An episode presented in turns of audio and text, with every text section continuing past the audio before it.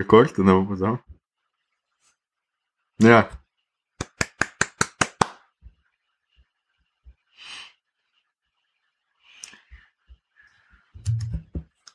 Okay, zdaj pa da vidim, kaj še vse drugo lahko, kaj jaz ne. Jaz imam scenarij pripravljen.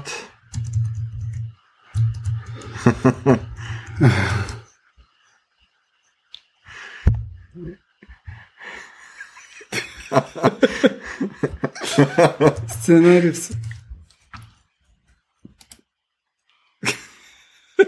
Ja, do...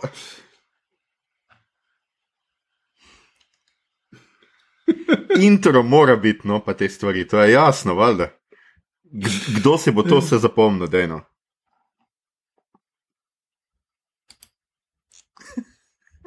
A ja, ne veš, kaj ful, uh, je bilo simpel, ker danes sem uh, review napisal že za vikend, pa sem samo par stavkov dodal zraven. Ja, Sej, uh, zdaj te serije, je, best filmov. Slavko si je dal zapiske, celo kaj bo povedal, kaj dela med karanteno.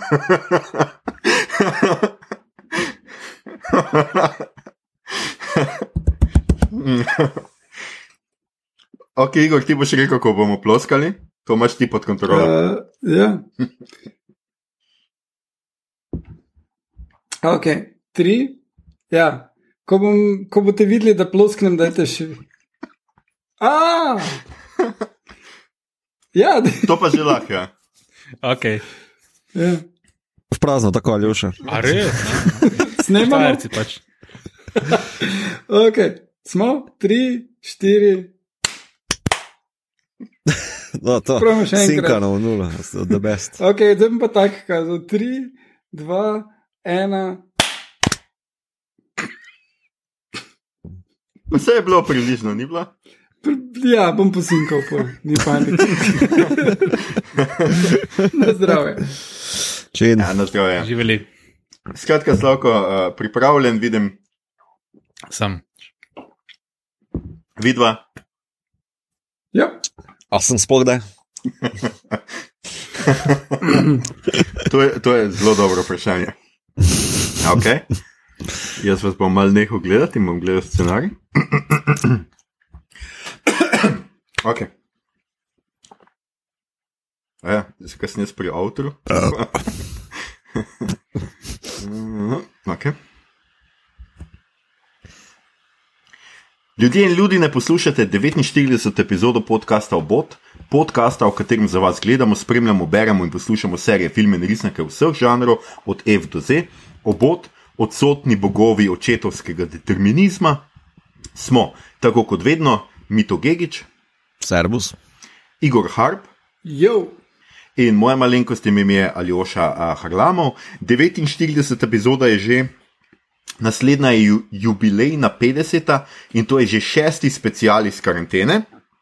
In tudi tokrat specialen, saj imamo uh, tokrat enega, uh, a sem prav prištel, enega zelo specialnega gosta in to je uh, Slavko Jerič, športni novinar, športni statistik in voditelj prijateljskega podcasta Številke. Pozdravljen, Slavko.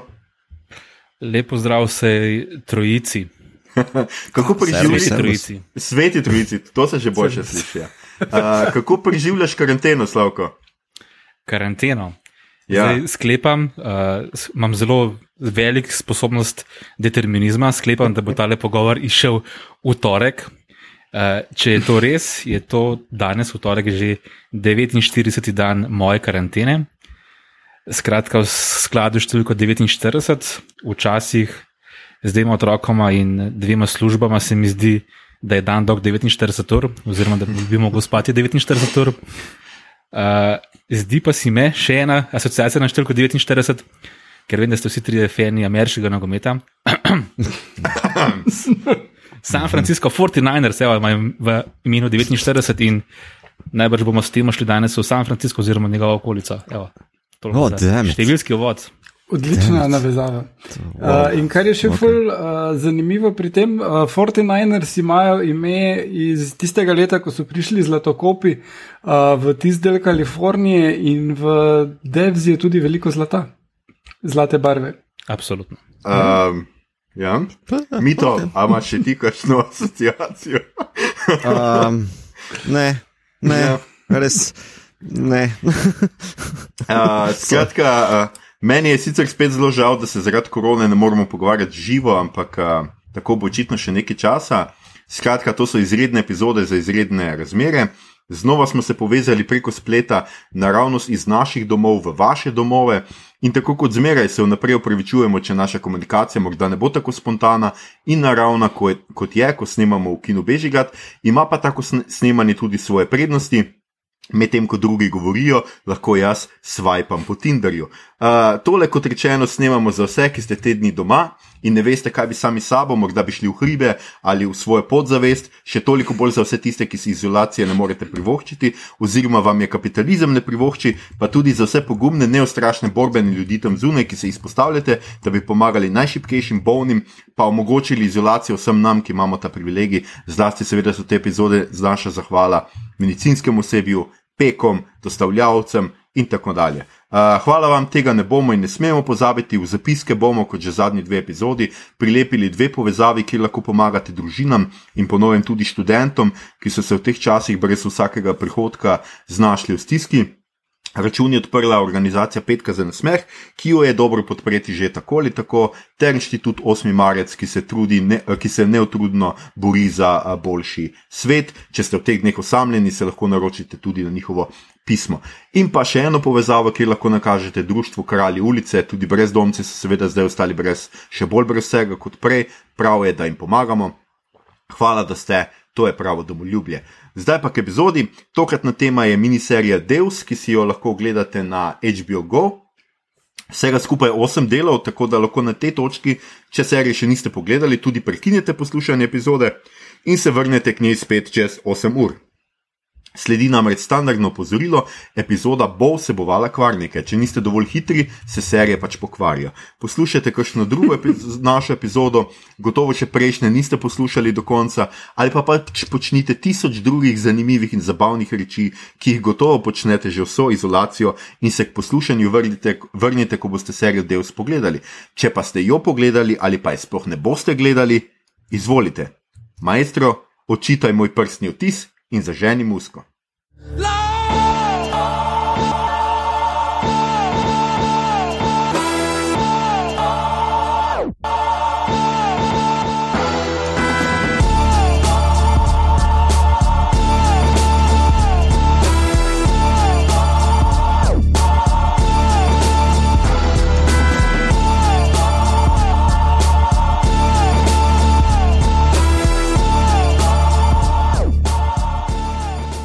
Živijo, mi smo nazaj, uh, poslušali ste našo super špico uh, in danes imamo našega super uh, gosta. Uh, Slavko, nekaj sem še tako prej vprašal v vodu, pa sem zdaj le spremenil. Um, a se meni sem zdi, a je zdaj v tem času tega izbruha epidemije en, po eni strani pravi raj, po drugi strani pa pravi pekel za statistike. Za statistike, za mislim, ja, tiste, ki štejejo razne viruse, če nam brž Ja. ja. misliš. Uh, ja, in hkrati je peko, ne? če najbrž si bi pozoren, tebe sem sploh opazil, da si se na Twitterju recimo oglašal in komentiral razne modele. Videli smo skoraj vsakdo, ki zna izračunati modele, jaz ga na srečo ne znam, uh, je to počel. Je to počel in potem smo slišali različna mnenja strokovnjakov. ne. Uh, bolj sem po nekakšni abstinenčni krizi glede športa. Uh, Mm? Tudi jaz, tudi jaz. Hkrati sem še opazil, da ga po eni strani me sploh več ne zanima, kaj se dogaja v športu. Skratka, kaj se dogaja na športnih portalih, čeprav moram pisati za športni portal. Mm. Uh, me niti ne zanima, pogrešam pa ta živost, nepredvidljivost, neprečakovanost. Ne? V nasprotju s pričakovanjem v delsu. Ne? Ja. Uh, čist na hitro, mogoče za kakšne športne fene, ali se kakšna liga počasi vrača. Zdaj slišali smo, jaz vem, da se nogometna Bundesliga naj bi se 9. maja vrnila. A je že kaj za kakšno drugo znano? Ja, tisti Tadžikistani sploh niso nehali, ne? Ne, tam ne. ne. Beloru, pa Belorusija, ne, kjer virusa skoraj da ni. Ne? Mm. Uh, je pa zanimivo, da nekatere lige so pač odpovedali. Ne? Mislim, danes, ko to snimamo, so nizozemci odpovedali. Mm. Uh, raz, različne strategije, čeprav UEFA pravi, da tega ne bi smeli, ne? da mora se dokončati. Mhm, Mm. mhm. No, Ja, skratka, bomo- Nahbar, Boki Nahbar je v gla, a, pardon, podrobnostih omenil, da v Uh, čakaj, ki je že v. Saragozi. Uh, ne, Ja, ne. nune imajo neko svojo ligo, one niso nehale, one še imajo vedno svojo. Ja, res. Poslušajte, košarkarsko. Um, ja, Nune Ja, ponovadi grejo odbojko. Ali- Ali se sem meni? ne, ne, neko košarka, kao, tak, v, v zadnjih, v zadnjih vir zadevah je, uh, je umenil, ne, da tam še vedno fura. Čakaj, se ne vem, kje je on, eh, Saragozi ali kje je že pozavsten. Uh, Čeprav Aljoša, Aljoša, bi moral o tem veliko vedeti, namreč mislim, da kar veliko krat uporabi besedna zveza eh, krščanska krivda. Ja, sem se prav zapomnil. Ja, ja, katoliška. Uh, ampak katoliška, mis, pardon. uh, mislim, da tole z nunami in odbojko je čist tvoj edinstven fetiš, nič splošno razširjenega. Ne vem, mislim, da imam to z nekega filma. Okay, kakorkoli, pustimo Nune, pustimo odbojko. Um, serija, Serija de, bojo, ne. ja, serija Deus, uh, Deus, ne vem, uh, ne brat preveč. Uh, Na ta dober povedal, da ne bi ljudje takoj ugotovili. Mislim, meni je sicer bilo takoj, ko sem prebral naslov, jasno, kaj pač pomeni, ne? ampak ne vem, mogoče komu ni.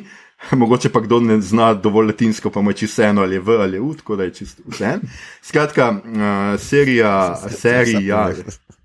Kaj? Ja, pa nekaj pa moram. No? Uh, Deus je bila ja, v začetku marca, jo je, je prišla na Hulu, pri nas jo lahko gledamo na HBO Go, zdaj so že vsi deli, uh, skratka, na voljo. In Igor nam je pripravil en. Kratek povzetek, da vam razloži, kaj sploh to je, Deus, in da vam razloži, od koga to je, ker to je zdaj zelo, zelo važno. Pozor, to je zdaj Igorjev domen, tako da. Igor, Ja. izstreli. Uh, torej, Deus je tiste vrste znanstvena fantastika, kjer je fokus na velikih idejah in konceptih, ki si jih lahko razlagamo zgolj skozi žanr in simbolizem, s podporo vizualno osupljivih in globoko metaforičnih podob. Uh, skratka, zgleduje se po dediščini Kubrika Petrkovskega. Uh, kar bo, ne bo nobeno presenečenje za oboževalce scenarista in režiserja Alexa Garlanda, ki je to že zakazal, nakazal v Ex Machini pa Annihilation. Uh, v osnovi je to zgodba o Lili, programerki oziroma strokovnjakinji za informacijsko varnost v uspešnem high-tech podjetju, ki raziskuje smrt oziroma umor svojega partnerja Sergeja. Uh, ta je bil tudi njen sodelavec, delala sta ne, delala na nekem naprednem projektu in je ravno napredoval v projekt v tem podjetju, uh, ki se mu reče Devs. Uh, in, ampak prvi dan nove službe, potem on izgine, potem ga najdejo mrtvega, se je kao zažgal. Uh, in izkaže se, da ga je umorilo vodstvo, ker je on poskušal ukrasti informacije, ker je skrivni ruski tajni agent. Zdaj to zveni kot bondijada, ampak uh, sploh kar se še potem uh, dogaja, ko ona se prelevi v neke vrste tajno agentko, ampak na širši ravni je pa to zgodba o determinizmu in svobodni volji, o umetni inteligenci, pa digital, digitalnem življenju. Uh, in ima bistveno manj akcije kot zveni iz onega prejšnjega dela, ampak temelji na dolgih, počasnih posnetkih in uh, umirjenosti uh, pač simbolizma, I guess. Um, Zdaj, v središču zgodbe je kvantni računalnik, ki je zmožen prikazati realnost v digitalni obliki, kar omogoča pogled v preteklost in očitno tudi v prihodnost. Ključno vprašanje pa je, če je to seveda natančno določeno. Um, tako da to je nekako ta povzetek. Uh, pa bi kar tukaj nadaljevali, pa se še lahko mogoče kasneje vrnemo k Karlandu, da ne vem kar takoj govoril. Ne vem, kaj, kaj No, vi kar povej, tem. kdo je ta mojem- Wunderkind? Kdo je ta Wunderkind? Kdo je ta Wunderkind? Ne vem, če je glih kind, ker je starejši od mene. tako. Um, uh, okay. Angliški pisatelj Alex Garland je zaslovel z romanom Obala, ki, po katerem pač ga vsi poznajo. To je šel 96. in je odličen roman, fulga priporočam, dosti boljši kot istoimenski film, ki je bil po njem posnet. Uh, gre pa za kritičen in zelo napet pogled v backpack turizem po jugovzhodni Aziji. Glavni junak Richard je tak postolovec, ki se odpravi iskat skrivnostno neokrnjeno obalo na Tajskem in jo tudi najde. Uh, tam je skupina popotnikov, ki so razočarani s komercializacijo to vrstnega popotništva, naredila neko utopično družbo, In potem on vse uniči, uh, ker je totalno neshol, uh, egoističen, nesposoben in potem privede to do enega zaključka, ki je pure horror, krasno. Tako pravno, ko sem bral zadnje strani, sem bil tak, a ne morem verjeti in takrat sem vedel že, da bo film in mi je bilo jasno, da ta film ne bo tega konca imel in je zelo, zelo spremenjeno. No. Um, Torej, uh, potem je naredil roman The Tesseract, uh, zdaj Tesseract, ne vem, kako je po slovensko, uh, Slavko, boš mogoče ti vedel. Tu gre za uh, mrežo tridimenzionalno, štiridimenzionalno, torej hiperkotske. Um, uh, in podobno kot je pretenciozen ta naslov, je pretenciozna tudi uh, zgodba, uh, kar bi znali ceniti ljudje, ki jim je bil Devs všeč, mogoče. Uh, gre pa se, dogaja se v Manili, uh, en kup različnih ljudi uh, se pač njihova življenja prepletajo tekom ene noči, uh, fulenga kriminala, umorov, prostitucije, vsega. Ampak glih na tem temelji, da kakšna malenkost uh, spremeni tok vsakega dejanja, da uh, privede do pač tega, kar se potem zgodi. Uh, to ni bila pretirana uspešnica, kar se je dosti jasno. Iz tega tretji roman pa je bil še bolj bizaren in gre za nek tip, pomaga nekomu, ki ga ropajo in ga udarijo po glavi in je v komi. In potem je cela zgodba o tem, kak je tip v komi in ne ve, kaj je realnost in se počasi prebuja. In mislim, da njegov oče poleg mu nekaj bere in on malo sliši te stvari v glavnem. Skoraj eksperimentalna zadeva, nič kaj akcijska, pa je vseeno kar zanimivo. No? Pol pa se je odločil, da bo reš filme delal in med snemanjem obale spoznal Denija Boyla in uh, je potem naredil scenarij za njega. 28 dni kasneje, ki mislim, da smo se že menili tukaj vsi, da nam je en ljubših zombi filmov. Uh, tudi mislim, da 20 let kasneje zadeva še ful drži. In uh, genijalen začetek, v katerem pač se človek zbudi po 28 dnevih in je svet preplavljen z zombi, je še neka uh, nišna serija, ki jo menda nekdo celo gleda, ki ga poznam, prevzela. Ana, Aljoša? Nič ne vemo o tem. um, no, po uspehu 28 dni si je pa uh, napolnil žepe, ker mu je Microsoft dejansko plačal cel milijon dolarjev, da je naredil scenarij po Halo špilu, in potem je Microsoft zaprl ta scenarij, vem predal in ga ima še zdaj tam.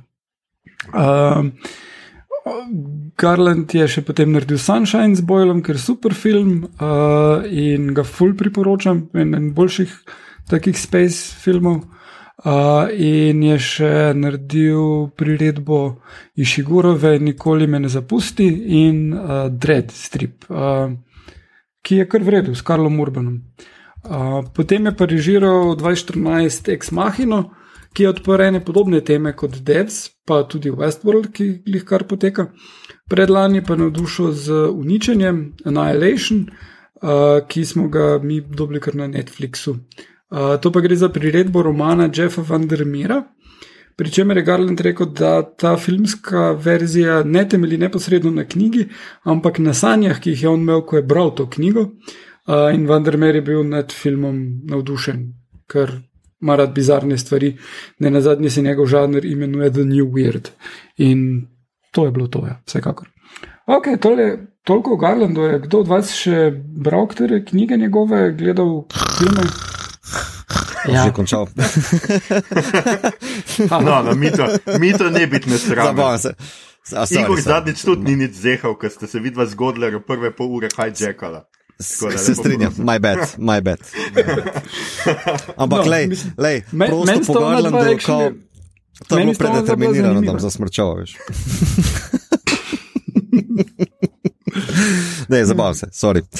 Um, uh, Kako se vam zdi uh, Devs torej, in kako se vam, kaj menite o Garlandu?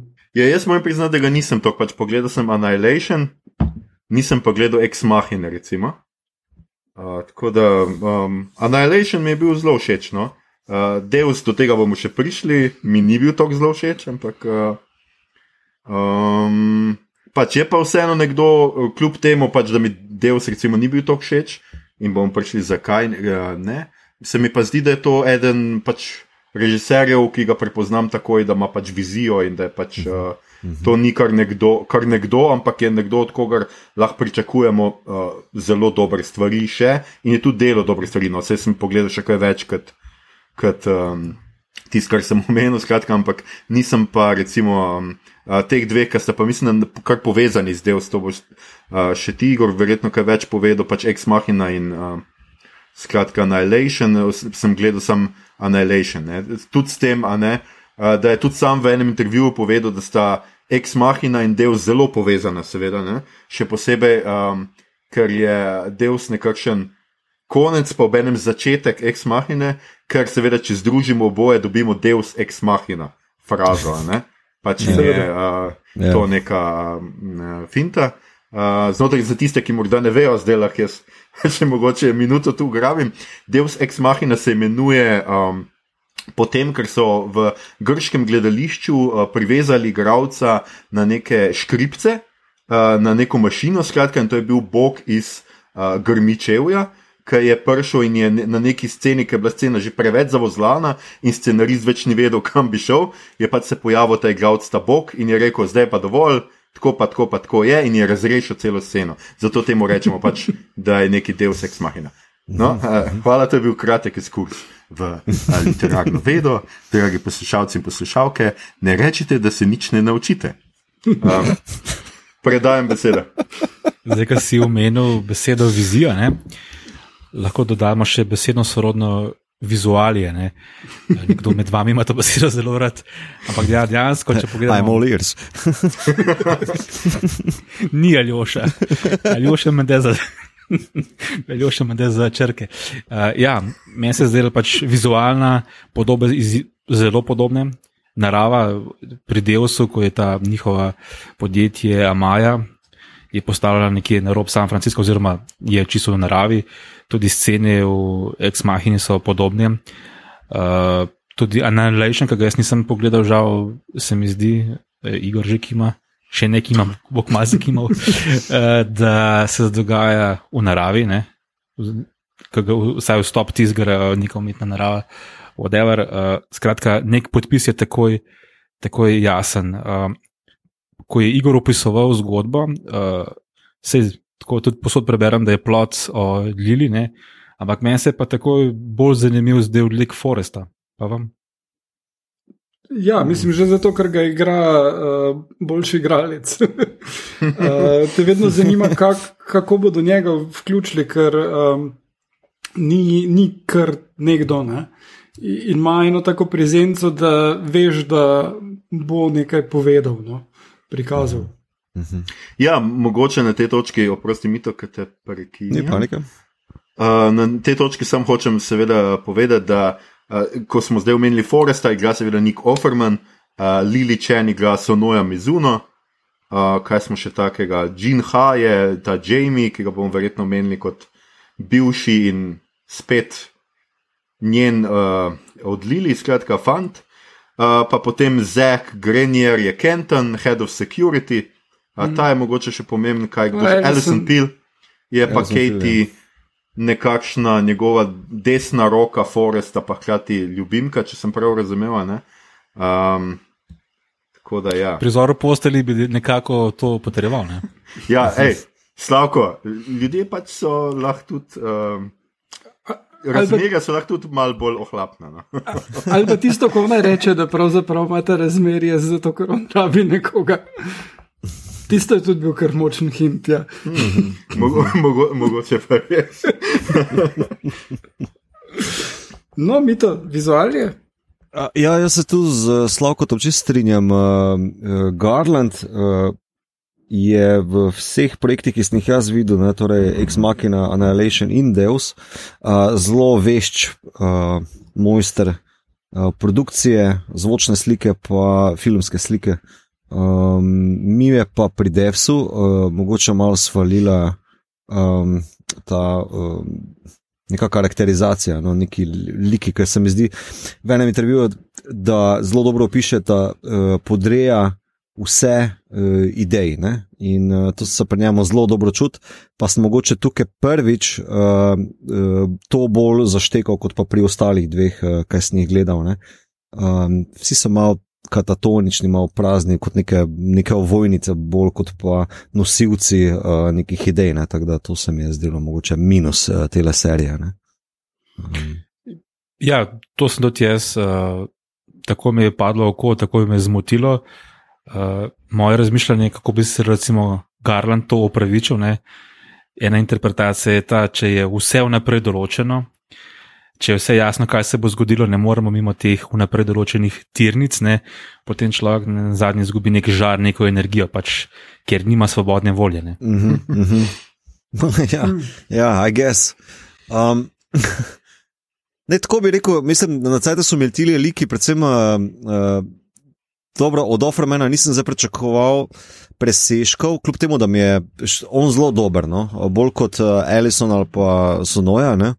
Um, ampak on igra preko neke svoje tišine, preko svoje mirnosti no? in je kar močna prezenca, kljub temu, da ni nekih igralskih eskapad. Um, Medtem ko pa Lili, Uh, bi pa pričakoval malo več. No. Mislim, prej si primerjal z Trakovskim in če zdaj rečem tukaj noter Stokera, da inštaliram ali pa Kevina iz. Uh, pardon, Kevina, Kelvina, uh, iz uh, Solarisa, uh -huh. uh, sta tista lika dosti večja nosilca ali pa prenašalca nekih idej. No? Uh, se lahko gledalec, ali pa dobro, vse jaz, sem lahko bolj uh, sledil ali pa se uživljal, ker tukaj pa je bila neka bremza, vse jasno začutil no? in me malo na cajt ven metal.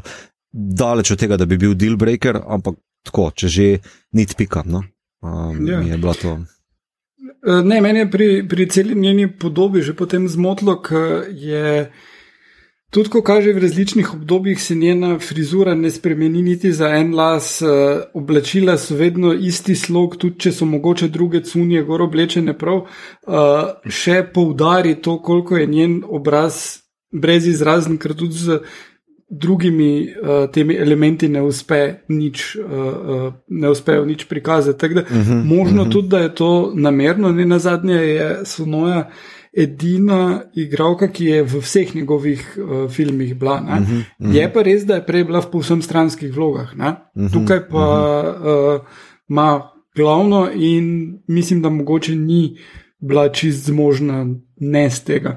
Dočim Alison Pill je pa meni bila super, uh, na ravni Offermana. Edino, kar mi je bilo moteče, je bilo, da hkrati zdaj uh, sem gledal Picarda, ker je bila tudi zelo intens in morilska. In je bilo pač, če gledaš uh, dva dela Picarda, pa pol en del tega, v glavnem. No, ma, malo bolj različne like bi lahko imele, če že hkrati pridejo njene uh, serije ven. ne, meni, meni sta bila različna, ne?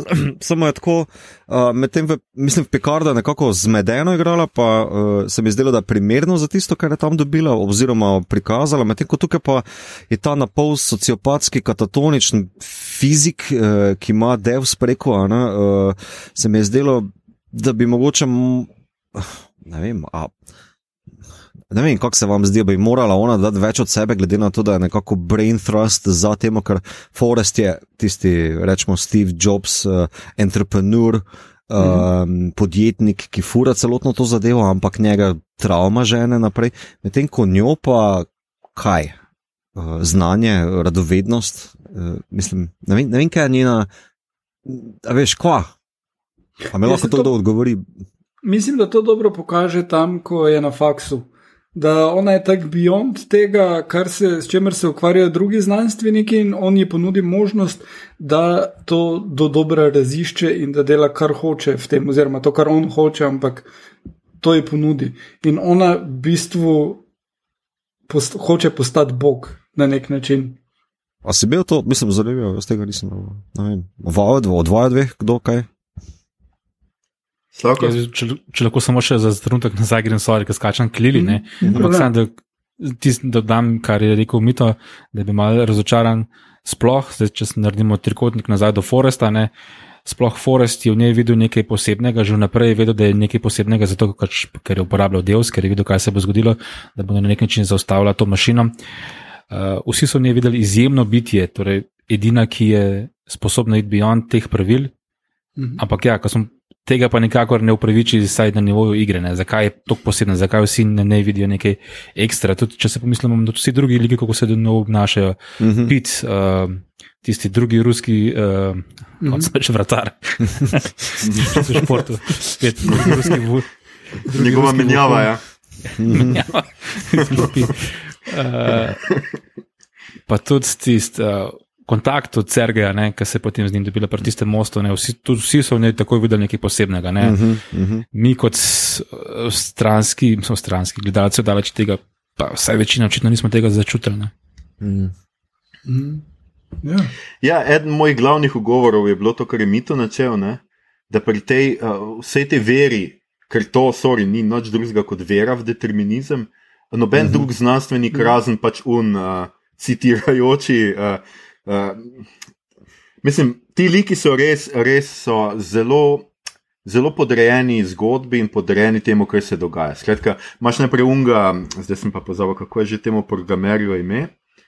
Stuart Lindon. Stuart Lindon, ja. ja. Starejši, ja. Če že, boomer ali zoomer. ja. Skratka, on najprej vice poka in ne vem kaj, pol pa kar naenkrat začne z nekimi, uh, citira Jejca, citira ne vem kaj, ene kup ljudi, skratka, citira. Shakespeare.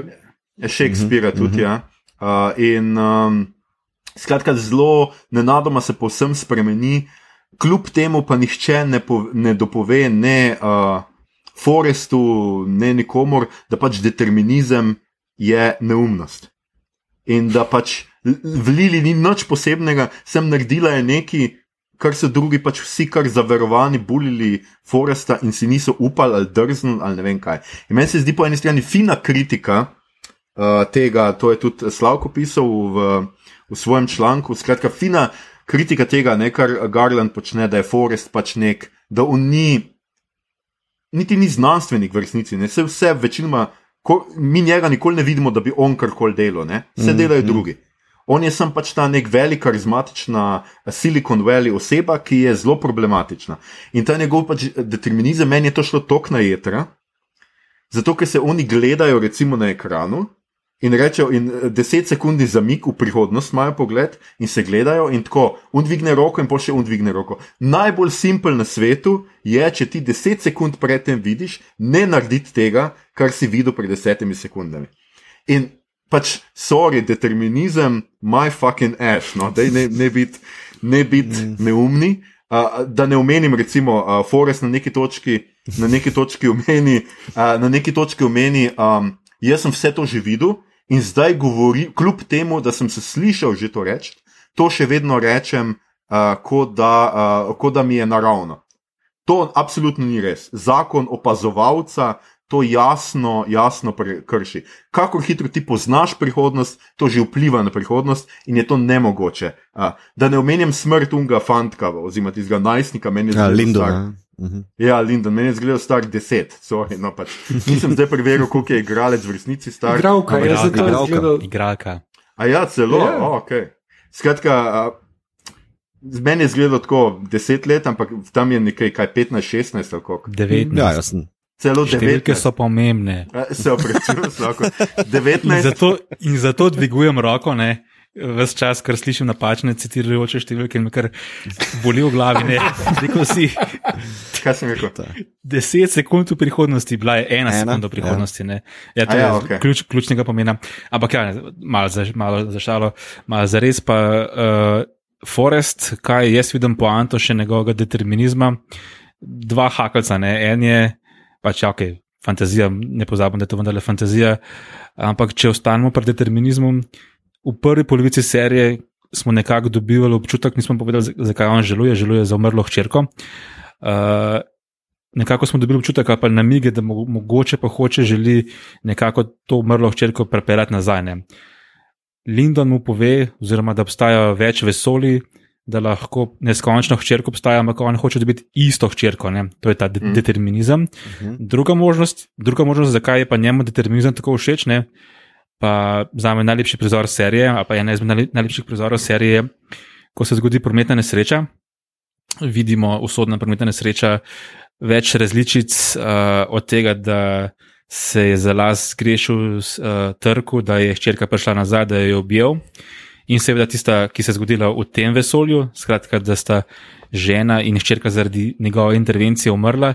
In če velja determinizem, potem on ni kriv, ne? ker dejansko sta umrla, ker je klical telefonski klic, on je zmotil in on je bil posredno kriv, da sta njegovi ljubi ženski oziroma hčerka in žena umrli. Uh Mhm. -huh. Če pa če determinizem velja, torej on ni kriv, ker bi se v vsakem primeru umrli. S tem si pa, če determinizem velja, se ti na nek način oprav krivda, ne? zato, uh -huh. on, zato uh Mhm. -huh. stoji za tem. Uh -huh. Eh, To je sicer res, ampak ta prizor ima eno veliko napako. To, da Forrest verjame v determinizem, pomeni, da on ne verjame v multivesolja. Se pravi, ta prizor, kjer kaže različne izide tega, je napačen, ker Forrest ne bi smel tega videti, oziroma tako videti, ker on verjame samo v eno dokončno možnost. Ja, Mene je že se- to zmotilo. Vse to je nekaj, Čakaj, kar, s, ja. ja. ja, povej.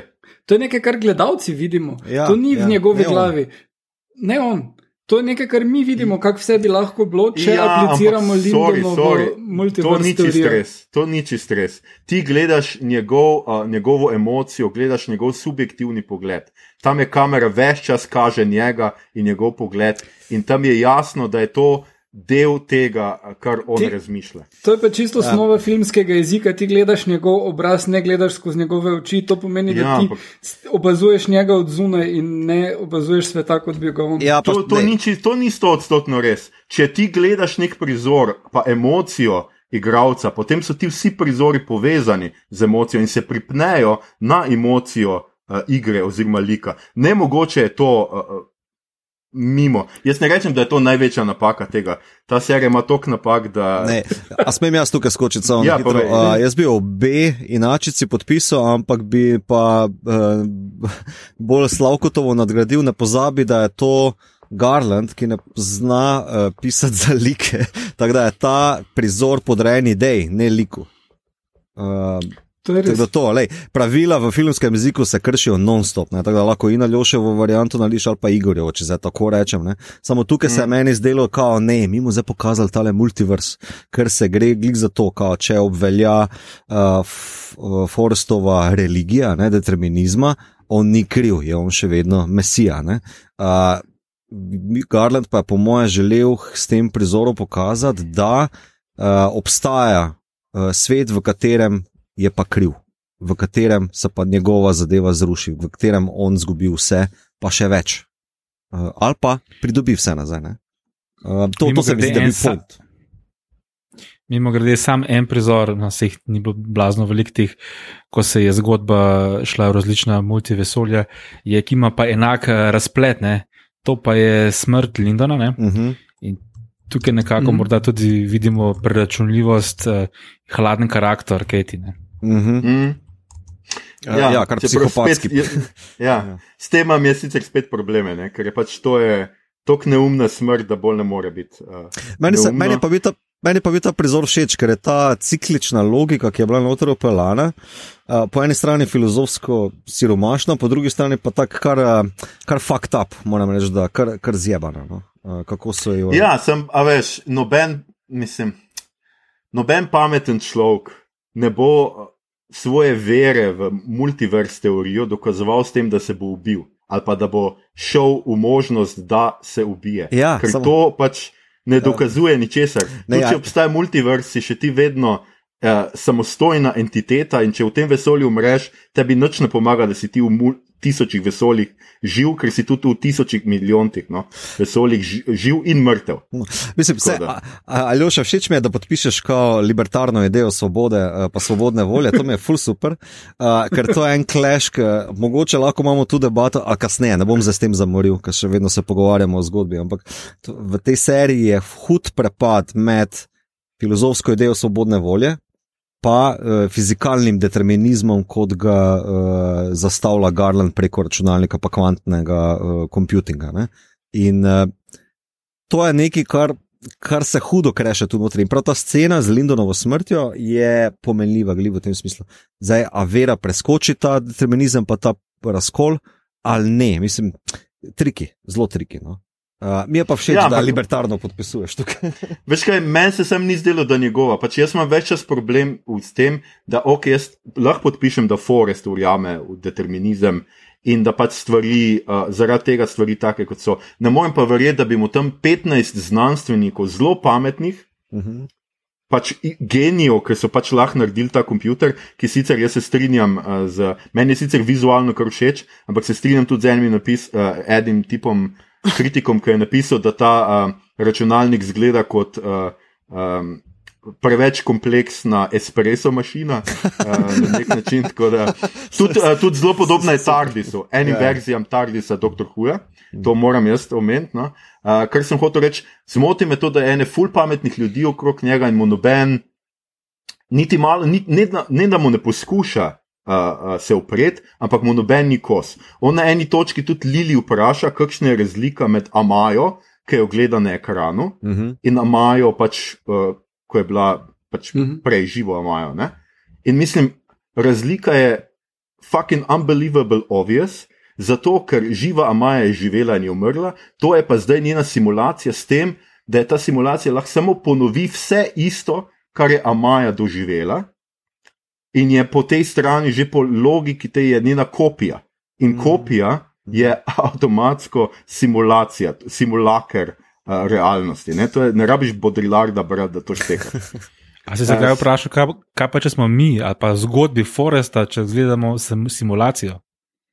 Vem, to, to je dobro, ampak tega ni noben tam postavil. Uh Mhm. -huh. to, to bi bil seveda Neka- njegov odgovor na to. Recimo, Jaz sem ne. pa drugače Edini vzel. Smisel. Jaz sem pa drugače vzel, ne, da v bistvu ni zdaj uh, toliko poudarka na, uh, mi smo tle pa gledamo simulacijo ali pa da obračamo ta zrcalo v kontra, tako se zdi ti, ti zdaj slavko omenil, ampak da pač devs computer uh, odpira okno v multiverse. Ne. Torej, tisto ni simulacija, tisto so sporednice. Ja. Ja.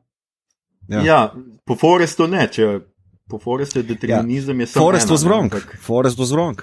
Ja, no, sej. No, to, pač to so ene me, moje te glavne, še druga pa mi je pač ta verska Mhm. simbolika, mi gre včasih preveč. No. Um, razumem, da je glasba je meni super, čeprav je več čas ta neka crkvena arije, so, ne, ampak zelo me pa recimo motijo take zelo očitne, neumne stvari. Da en ti kup znanstvenikov spet, racionalnih ljudi, ljudi, ki verjamejo v determinizem uh, in vse to, prva prizor, ki si ga hočejo gledati, je Jezusova smrt na križu. O, oh, moj bog. Ko že 50 let nam je jasno, da Jezus ni v resnici živel, je jasno zgodovinarjem, mi pa tle zdaj gledamo neke uh, posnetke. To se mi je pa zdelo tako najbolj neumno. Dost bolj všeč mi je bil seks med Marilyn in uh, JFK. že. Jeff. JFK-jem. Ja. Ne, ne, Se ne, mi ne, zdi- čeprav- ne, Se, se, Millerjem. vse je Čeprav logično, tudi, da, da, tudi ti to bo to ne vem, všeč. če se je zgodilo. Uh, ne, seks z možem je najbrž šmela, uh, tako da ja. Um, ampak uh, ja, to, uh, vse skupaj je, je povsem pre, prežeto z religioznimi simboli, kar malo preveč. Uh, tudi ime glavne junakinje Lili izhaja iz. Uh, Lilith, Lilith, ja. Lilith ja, ne? ki je bila prva ženska, ja. ki je Bog ustvaril za Adama, ampak ga ni htela čestiti in je šla beg. To Uh, je v pokrifih, ja, to ni uradno. Ja, ja. Če se jaz spomnim. Okay. Ja, to je v um, pokrifih. po- V Torah je, ne? uh, V Ja. Judovskem. Ja, No, kak, eh, kakorkoli, uh, uh, bistvo vsega skupaj je, je povsem prežeto z religijo in, in konkretno z, z krščanstvom. Uh, in mi ni bilo čist prav, mislim, malo imam že vrh glave tega. Vsi DC-jevi filmi so polni tega, Deltorovi filmi imajo ponavadi kar malo preveč tega, mm. ali pa pač. Uh, Pa tudi, če imajo pošasti. Um, in, in res ne najdemo drugih virov, ki bi jih lahko dajali gor pri takih temah. Kot, to, to, to priznam, da me je zmotilo. No, ampak Okay. se mi zdi, Pol pa, pol pa eno mestno vprašanje. Zdaj, ne, okay. Če imaš dostop do devsa, kva bi Mhm. ti najprej pogledal? Da, gremo kar po sem vrsti. jaz- Igor, uh, ja, a, sem jaz, eh, a, nisem, a nisem jaz v mail napisal, da ne tega vprašati? oh, Ker fuck, sem sorry. jaz to imel pripravljeno. Okay. No, Reži to ven, reži to ven. Ne, ne, ne, ne, dajmo zdaj, dajmo zdaj. Vse vsem, pač ne bo končnega vprašanja. Dajmo ok, zdaj. ok. Okay. Okay. A, Ne, sem Slavko pa prvi. zmislil, kako je Ali še tudi jaz ne bom igral po tvojih pravilih. ne, ker dejansko v resnici, v resnici, ko smo recimo pri vprašanju uh, potovanja skozi čas, dejansko me predvsej bolj zanima, kaj se bo zgodilo v prihodnosti. Resno. Ne, nikoli ne bi šel gledati v preteklost, ampak bi gledal v prihodnost, uh, kakšen preskok bo človeštvo naredilo čez toliko in toliko let, recimo čez 49 let. Uh -huh. To bi naredil najprej. Ampak se to gledaš Star Trek, nisi poslušal zadnje epizode naše. Posledice korona krize je, da sem ostal pri 43,5. Žal, oh. se, se pravičujem. Uh, in, okay. sem, in sem ta čas namenil serijam, kot mi je prijazno svetoval kolega Mito. No, super. Skratka, Slavko bi pogledal prihodnost, uh, Igor. Um, mislim, prihodnost se mi je vedno zdela zanimiva, ampak me skrbi. Uh, Jaz bi rad videl, uh, če obstaja multivers, jaz bi rad videl nekaj podobnega kot je Grungeback Continuum. To je ena zgodba od Williama Gibsona, kjer uh, vidi človek prihodnost. Kot je izgledala v idejah pulp science fictiona iz 50-ih, ko so vse te oblike zaobljene vesoljske ladje in leteče avto in vse te stvari. Uh, take optimistične, fenomenalne prihodnosti me zanimajo, ampak me ful skrbi, da bi pogledal v prihodnost, pa bi videl tek uh, Thunderdome. Uh, in reč ne bi vedel, da se bližamo Thunderdomu kot ja, mogoče. Uh, da, uh, če bi bilo možno tako, drugače pa iz preteklosti, pa kaj pa vem, mislim, da sem že enkrat omenil teorijo, da menim, da uh, ni nekih teorij zarote, mislim, da teorije zarote ne držijo, ker uh, je vse kaos in da so na ključe, ki vodijo uh, in napake, ki vodijo pač Igor, napredek. Če boš, na te to, ja. če boš na te točki zdaj rekel, da bi rad videl, če so res pristali na Luni, prosim, ne, reči kaj drugega. Se pravi, teorije zarote ne držijo, sem menim pa, da dostkrat uh, stvari, ki se zdijo, da je teorija zarote zadaj, imajo povsem naključne rezultate, tak, da kaj takega. Mhm. Aha, ok. Ja. Ampak se ne spomniš, zdaj nobene, kaj bi te zanimalo.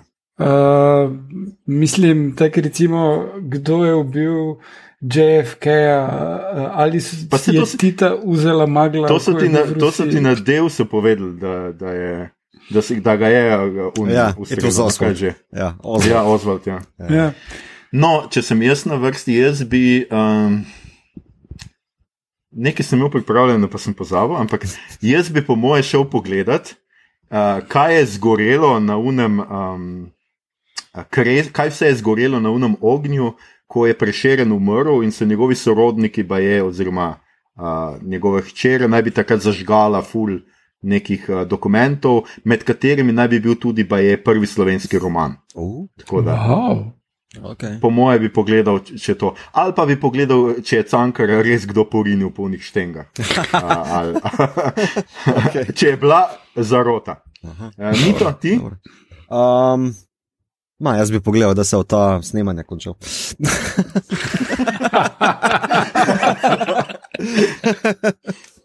ne, ne vem, moj bi v preteklosti, veš kaj bi mene v preteklosti zanimalo. Uh, Slikanje v jami laso, ampak to so del uh, dobro pokazali, mene bi to zanimalo. Ta začetek človeštva, evo, to, bi, to bi mene intrigiralo. Monolit. No, to, je bil meni, to je bil meni eden najljubših. Ja, meni tudi. Ja, men Ker ste gledali to.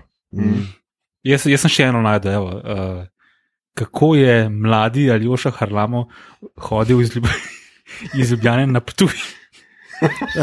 To samo mene vprašaj, jaz se vem. zaradi romana sprašujem. Zaradi, zaradi romana. romana. Ja, okay. Jaz sem mislil, da bi rad preveril, če so bili moji tviti o prevozih resnični. Mm. ja. Um, ja.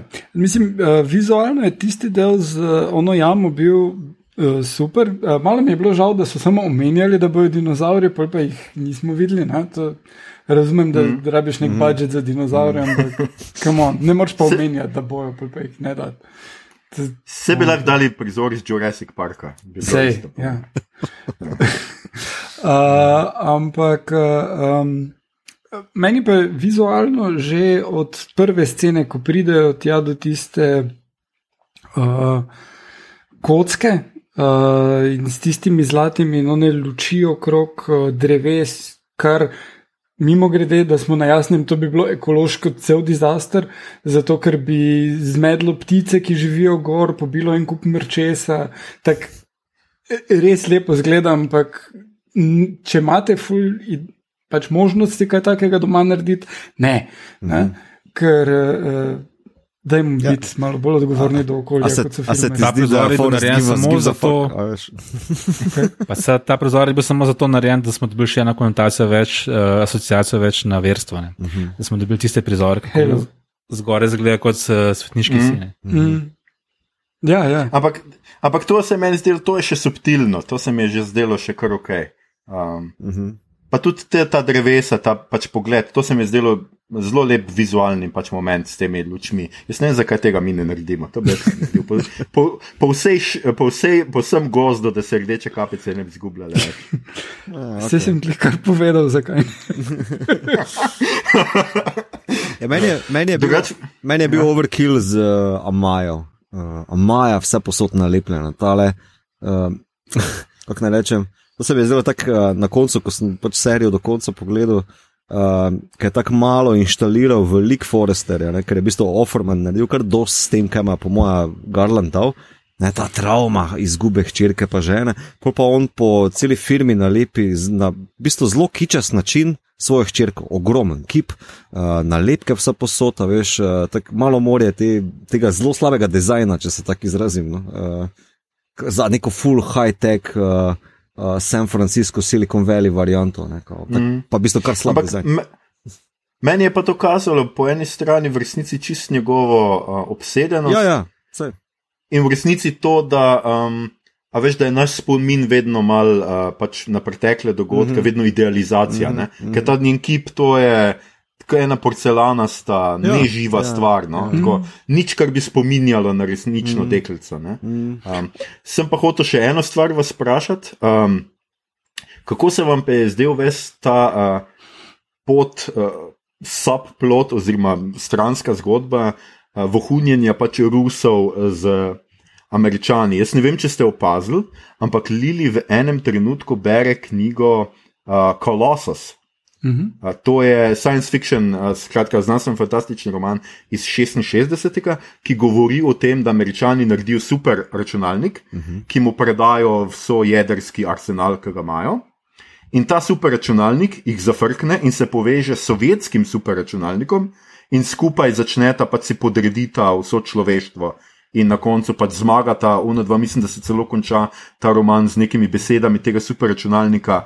Uh, uh, nekoč se boste naučili in me vzljubili kot svojega gospodarja ali ne vem kaj. Skratka, je tle bil še en, sta bila dva plota, pač že sama zgodba je na, na, nakazovala pač neko hladno vojno mm, stanje, po drugi strani pa imamo spet ta, kar je tudi jaz mislim pri Garlandu, kar pogosto skratka pač ta terminator moment mašine, pač pazimo se AI-ja ali pa pazimo se vsaj ljudi, ki imajo neizmerno moč tehnološko in lahko naredijo pač super računalnike. Mhm. Mm. Uh, jaz sem gledal film, posnet po tej knjigi, dejansko A ja. nisem ja. do zdaj povezal tega uh, Jaz kolosa. nisem filma gledal. Film je iz leta 70, a ni, ni posebej dober, ker, a, kot si znaš predstavljati, ne zgodi se full dosti. Tako oni vklopijo računalnik in potem so oni tra, tračne enote meljajo in potem računalnik pove to. In oni pošiljajo neko vojsko naokrog, nič se ne zgodi. Um, Ampak ja, imaš to na koncu, freedom is an illusion, uh, all you lose is the emotion of pride. To be dominated by me is not uh, bad, as bad for humankind as to be dominated by others of your species. Uh, ja, s tem se zaključi in uh, je, je zelo dobra navezava na teme v tej zgodbi, se strinjam. Ja. Ja, ja, meni se zdi, da v bistvu kao ta um, ruski spaj, noir, uh, ni bil tako dobro raziskan, kot bi lahko bil. Ker tudi ta, rečemo, ameriška vlada intervencija, kot je v, mislim, na drugem delu, ki je uh, prikazano na senatu, mm -hmm. kako leti mm -hmm. noter, pa na koncu, ki um, fehta, uh, no, ta Alison Peel lik. Um, če lahko ohranimo mašino preklopljeno, je pač Ne, ne raziskano, no, v bistvu je noter vrženo zgolj kot ne vem, podlistek. Tako da tudi, če bi mi to umanjkalo, le Sergej bi lahko bil, ne vem, uh, drug entrepreneur, ki hoče svoj startup, bi zgodba čist isto delala. Ne, uh, mm. Brez tega ruskega subplota. No. Se v resnici je tudi problem z Lili, to, da je ona neka računalniška programerka, ampak to v resnici noben nikoli ne upošteva, oziroma mm -hmm. ona sistem, noč, ni, še svojega bivšega rabi, da je pomagal odreti mm -hmm. v sudoku. Mm -hmm. je, pa naštevala, je pa naštevala Fibonaccijo zaporedje, ne, Aha, ja, to, je, to je en prizor notarjen.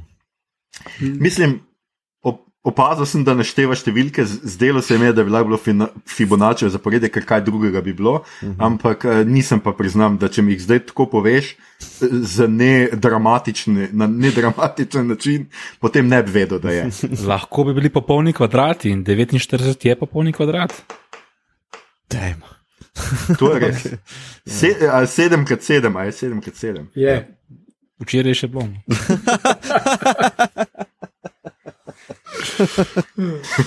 Včeraj je še bilo, ja. hvala, slabo. Pač, ja, ok, one številke zna obračati, to nik škrlec tudi dela, veš, mislim, so what. ja. Sem res lahko bi nik škrlec igral v, tem, uh, v tej seriji. Ja, jaz mislim, Absolutely. da bi bil boljši.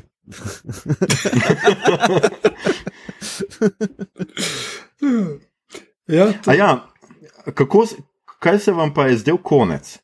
Kako sta ona dva stopila v simulacijo, kako to pojasnjujete? Meni to ni bilo najbolj jasno. Pač umrla sta, njuna zavest pa je še naprej v Deusu, ki zdaj nenadoma ne napoveduje, mislim, ne kaže preteklosti, ne napoveduje prihodnosti, ampak je nekakšna simulacija. Ne, jaz sem razumel, da je v bistvu to okno v multivers, ne, ker tudi.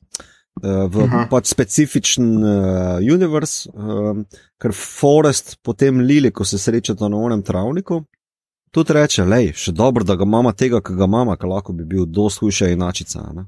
Tako da mi dva smo tam. Ja, ampak uh, zavedate pa se, da ste umrla. Ja, ja ker, čeprav razumem, je nek download bil vseeno, uh, da se, ker tudi Forest je rekel, mislim, da no temu liku Edison pil. Da uh, vem, kaj bo, vem, kaj se je zgodilo, pa vem, kaj moram narediti, nekaj tasga. No? Uh, da pač uh, je lahko zgolj srečen, da je pristal, pa da se on zaveda tele inačice, v kateri trenutno biva. Ker najbrž drugih je mogoče živ, mogoče ne, mogoče karkoli. Pač on, on je, mislim, da zdaj pač na koncu se sprijaznil, ni tega determinizma, ki sem ga zagovarjal, pa vam veroval, ampak da pač je pristal na Lindonovo inačico. Ne? Ampak mislim, da se je on odločil in je tudi, uh, ko je še Lili poslal to različico. Uh mhm. -huh. Če sem prav razumel, da se je on odločil, da je pustil preteklo znanje zavedanja. Ja, ja to je. Mm. Tako da jaz mislim, da je bil neki download tukaj, neka odločitev. Ne? Uh, ja. Ja, ampak ni, da bi pokazalo, kak uh, machine, human machine interface ali karkoli takega, mm. na osnovi česa se to zgodi. Ne, mm. ne. Mislim, je pa tudi to, da če del si pač računalnik, je lahko to nekaj, kar je ali sem pilik uh, programirala noter. Jima to zavedanje mogoče, kaj pa vem. Mm -hmm. Ampak spet nekaj, kar ni, niso prav razčistili, ali bi bilo to mogoče ali ne. ne. Mhm. No, jaz sem si predstavljal, da na koncu pač Deus je realnost in je vesolje. Pač, da ne moreš ločiti, med, če ne moreš ti ločiti med simulacijo, mm -hmm. Recimo, da predpostavimo, da Deus je simulacija ali pa da je pač nek prikaz in realnostjo, mm -hmm. potem je simulacija, seveda, na isti ravni in je mm. del svoje solje. Meni je bil pač najbolj spet še en drug, ki mi je bil v redu prizor z pač tem, ki jim on pove, ne, da v tej škatli je vse. Mm -hmm. In v tej škatli je še ena škatla, v kateri je seveda pač na yeah. Ja. potencu škatl. Tako da na nek način, to je zdaj tisto, kar je Slavko prej omenil, ne, na nek način sem jaz konec razumel, kot da je v resnici tudi naša realnost simulacija. In smo tudi mi znotraj škatle, ki je znotraj škatle, ki je znotraj škatle. In tako. Ja, mislim. Pač logika multiversa je, da so vsi enako vredni. Torej, če pristaneš, da je pač naša realnost, simulacija, so vse simulacije, ali pa obrneš, pa rečeš, da je vse realnost, vse je isto, ekvivalent uh, našim, našemu prostoru. Uh, in da pač je Devs, uh, kvantni računalnik, zgolj inštaliral zavest iz tega prostora v drugo okno, no, v drugo okvir. Uh, zgolj to. Uh, Ne, pač Zgolj to, od... nič lažjega. ja. Mislim, se s tehnikalijami se tam ne obadajo, nekaj pretirano. Ne. Se, uh, tudi, če, je, oni delajo v prvem delu, ko Sergej, Sergej pride v, uh, na nov šiht, v Deus, uh -huh. uh, kjer pač noben nima blage, kaj se dogaja, on takoj skuži, zakaj se gre. In, in to je full high tech fora, ne vem. Uh, paradejeva kletka v vakumu, v, na magnetih, ne vem, kaj je odesno, pol po on po bondovsko zuro tam le snema kodo, razumeš? To se mi je zdelo, wow, stari, ta pa res uh, high tech as fuck. Uh, ampak. Mm -hmm. Pač diskrepance se mi zdi, da tudi Garland je idea man, on, on mogoče raje pušča uh, te, kako rečem, ploti, ne, niti ne ploti, pač tehnikalije takih variant ob strani za voljo, to, da pač mm. se zgodba odvija. No, vse tako, kot sem vam jaz pisal, že po pogledu, mislim, da prvega dela, meni je tudi recimo bilo ful smešno, zakaj so mogli Sergeja prikazati, da se je ubil tako, da se je polil z benzinom in zažgal.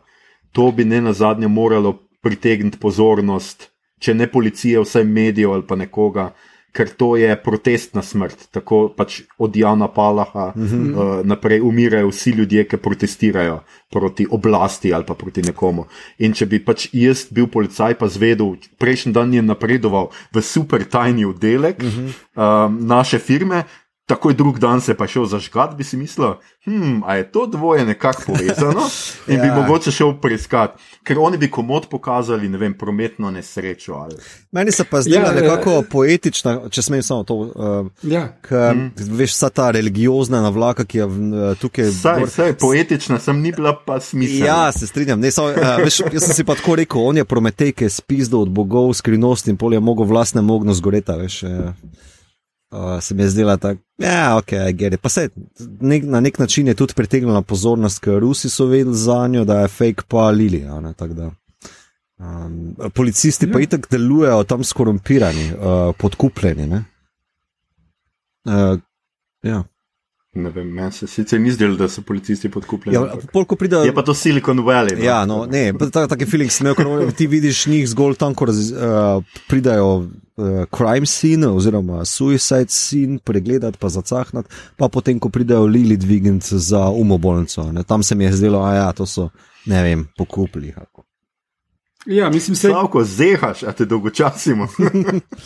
uh, Kenton bi vsekakor poskrbel za take malenkosti, kot je policija. Ne? Mislim, Kenton deluje kot zelo, ja. zelo sposoben ja. človek. Da... Mislim, da on nekdaj CIA. CIA ja, ja, se ji reče to. Je. Um, Kako so se vam pa uh, zdelo nekako razvoj teh idej, glede na druge Garlandove filme, ali pa tudi glede na druge uh, uh, filme ali serije ali knjige, ki se ukvarjajo z to tematiko, neke multiverze, determinizma in tega. Meni se je matrica zdela boljša, iskreno povedano. Ker pač ima ta film tudi zelo povezal z matrico, se pravi, Lili je nek neo za Foresta, ne? Skratka, ja. sposobna neke, neke odločitve, tako kot je neo najprej sposoben izbrati pravo pilolo, potem pa ne bi bil izbral, tudi čeprav ne vemo, če je izbral, oziroma tle so interpretacije zelo zapletene, a je na koncu izbral prav, da je odšel od arhitekta in reševati svojo punco, ali ni, ali ne vem kaj, ampak se pride četrti del, bomo zvedeli. Kaj pa ti slavko? Mene morda malce, če smo pri usporednih vesoljih, ki jih veliko vzpostavlja. Zmotlo zavedanje, zdaj, če gledamo na sporedne vesolje, obstaja teorija, da pri vsaki odločitvi, ki jo vsak človek naredi, nastaneta dve vesolje. Mm. Skratka, mm -hmm. jaz se bom zdaj naprej normalno z vami pogovarjal in bomo tole normalno posneli naprej. Ne? V nekem drugem vesolju bi pa zdaj vstal in rekel: Fantje, dosto smo bi šel preč. Mm. Kako bi zdaj to naredili? Ogromno drugih stvari. Koliko enih smrti bi se recimo lahko zgodil, na ključe, ko se nekdo sploh ne rodi. Te različice vesolja, iz točke A v točko B, je neskončno vseeno, v prikazu pa so se bile vse sorodne. Ne? Ali je Katie odšla z univerze, ali ni šla, ali je on dol padel, ali ni padel. Skratka, teh različic je precej, precej več in uh, mene bolj to motilo. No, tako. če se gremo že neko štorijo sporednih vesolij. Mhm. Aha, da jih je bilo premalo, da je malo simplistično to. Preveč sorodnih, ne, ne, ne Mhm. preveč sorodnih. Ampak razumem pač, se, se je vendarle to ZF, nekako moraš to prikazati. In prikazano je bilo za me zelo lepo. No. Hmm. Uh, mislim, meni se je zdelo bistveno boljše kot The One, uh, film z Jetom Leem, kjer on ugotovi, da če ubije vse verzije samega sebe v vseh multiverzijah, postane The One. In koliko je bilo teh vesolij? Ne vem, sem mislim, da je bila omejena številka. Ne? 5 na 3, 125. Ah, Damn. damn, pa Kako so, prišli, Jet Li. ka- kako so pa prišli do te številke? Zakaj je bilo 5 na 3? To je bilo nikjer ni bilo rečeno, da je 5 na 3, ampak 125. In ko si vseh 124 izničil, si dobo neverjetno moč. In uh, Igor, mislim, da je užival v tem filmu. ne. Je pa bil, ta film sem si jaz ogledal zelo, zelo pozno, zdaj, pol leta nazaj. Ne. Aha, Mislim, da igra, da igra Jason, Jason Stedem? kako se, kako se zgovori, ste. Stedem. Ja, stedam. Stedam, ja, moja angliščina je čudovita. Turkish. Uh, in je, mislim, da je to na začetku, preden je postal neka zvezda na svojem Mhm. žanr, žanrskem polju. Ne. Ja, ja. Uh, ja. Ne vem, meni se je film, uh, mislim, serija tale. Uh, uh, Mi je bila všeč v končni Deus, ja. fazi, Deus. Uh, kot sem rekel prej, imam malo probleme z to um, uh, religiozno simboliko, ampak uh, v primerjavi z Ex Machino se mi je zdelo, da je te teme peljal malo naprej. Ne? Ex Machina je bil blazni hit, zdaj, ne vem, če je kdo od vas videl, ampak Full Folko je bilo to oh, najboljši film ever. Meni se pa tisto zdelo zelo na prvo žogo, ampak vizualno je pa izstopal full. In uh, Annihilation še bolj, in mislim, da uh, kljub temu, da je Garland začel kariero kot pisatelj, bi mogoče jo lahko kot uh, oblikovalec uh, glih tako. Ne? Ker se mi zdi, da vizualni, vizualni aspekt njegovih del je skoraj da včasih bolj pomemben od uh, ostalih. In uh, um, zelo dobra odločitev mi je bila zato, da je delal Annihilation, kjer je uspel uh, nadgraditi dost uh, zanimive ideje nekoga drugega in ni šel po defaultu na tole Deus ex machina uh, uh, religiozno tematiko toliko. No. Hm? Sem eno vprašanje, sem med vrsticami sem večkrat povedal, da sem ruki na področju TV serij. Vemo, da ta serija, vsaj za me, Rukija teče zelo počasi, pa me zanima, kako bi vi videli ta izdelek, če bi stal kot dveurni film. Mm. Meni se zdi, da bi mogoče malo bolj zgubil, kot pa bi bil pripravljen se Garland odreči. Uh, pa se strinjam, da se mogoče tam tretji, četrti, deloma peti malo vleče. Um, um, pa da bi lahko to mogoče nadomestil z neko, rečemo, ali akcijado, ali pa bolj poglobljeno uh, karakterizacijo, pa boljšimi dialogi. Mm, ne vem pa, če bi v dveh urah že de deloval. Mislim, meni osebno se zdi pretežka tema, za, prekompleksna tema. Že tako v osmih delih se obadati z določenimi filozofskimi aspekti, pa fizi, eh, mislim, determinizmom, pa svobodna volja, pa bla bla. Multivers, že multivers je mindfuck za sebe. Um, v film to noter tlačiti, pa da je uh, zanimiv, ne vem. A je, mogoče mu parata, so, da vem. Mislim, lahko imaš zanimiv multivers film, ki, ki temelji na čist drugih uh, zasnovah kot to. Recimo Spider-Man je genijalen in full vredno razloži vse stvari in vse skupaj. Ne? Tukaj pa je pač cilj. Avtorjev bil en čist drugačen pristop, uh -huh. in uh, ta počasnost je pa to, kar sem prej tudi omenjal, Kubrika, pa Tarkovskega, mislim, da se je tam zgledoval. Ne rečem, da je toliko dober, ampak je pa toliko ambiciozen. Vsaj. Mhm. Ja, Uh, ja. in uh, uh, mislim, da so mu tele uh, počasni kadri, z njimi zelo dost, zelo dost ustvari vzdušje, kar pa potem zmanjka, pa je, da bi se gle, pač te liki dejansko premaknili toliko naprej. Um, ampak mislim, da je še vedno vredno, vsekakor vredno ogleda, uh, kljub vsem pomankljivostim. Uh, Kaj se je pa vam trem zdelo, mislim, to v stilu, a je vredno gledati, ali imaš občutek, da ste, ste imeli občutek, da ste zapravljali cajt? A ne, ne, ne, ne vsekakor vredno gledati, jaz sem ga vsem priporočil, pa tudi bi ga še priporočil. Pač to je, a veš, ni perfekt serija, razen ne vem, očitno The Wire, kar vsi govorijo.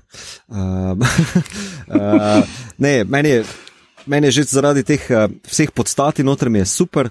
Uh, pa tudi ne znam si predstavljati, da bi to pet let nazaj bilo narejeno ali pa deset let nazaj narejeno, ki je tako sodobno, kontemporarno, po produkcijski, vizualni, zvočni plati, pa filozofskih mm -hmm. temah.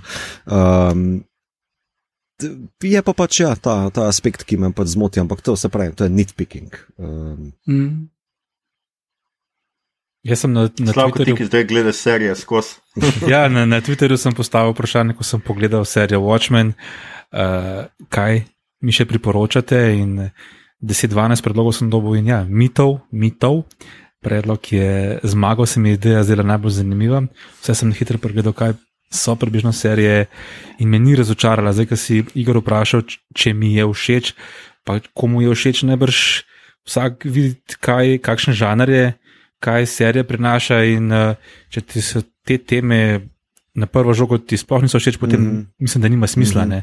Uh, če pa ti ta nek žanr sede, če si vzameš čas, vključno s to počasnostjo, vse, mogoče sem jaz prej malo preveč kritično izpostavljal kot negativno lastnost, počasnost, uh, je del tega. Ne? Zdaj, ko omenjamo sam del, ne, meni je bilo res zabavno, ker pričakoval sem, kaj se bo zgodilo. Razumem, ne, sama te, tehnika, kako bo potekala, da do samega središča delsa, ki je vodilo tisto dvigalo, ne, zelo kratke razdalje, 3-4 metrov. In hitrost premikanja tega dvigala je bila tako počasna, tako počasna. Res je bil kot simbol samega prehoda, ne? Mhm. med neznanjem do znanja, mm -hmm. Od zavedanja do nezavesti. Nezavesti, jaz sem že malo nezavesti. Uh, do, neza, do, do nezavednega. Ne?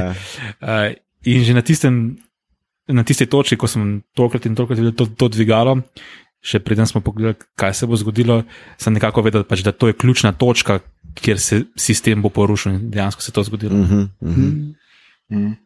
Slavka, jaz bi te sam mal popravil, tle. ni mitov, ampak mito to.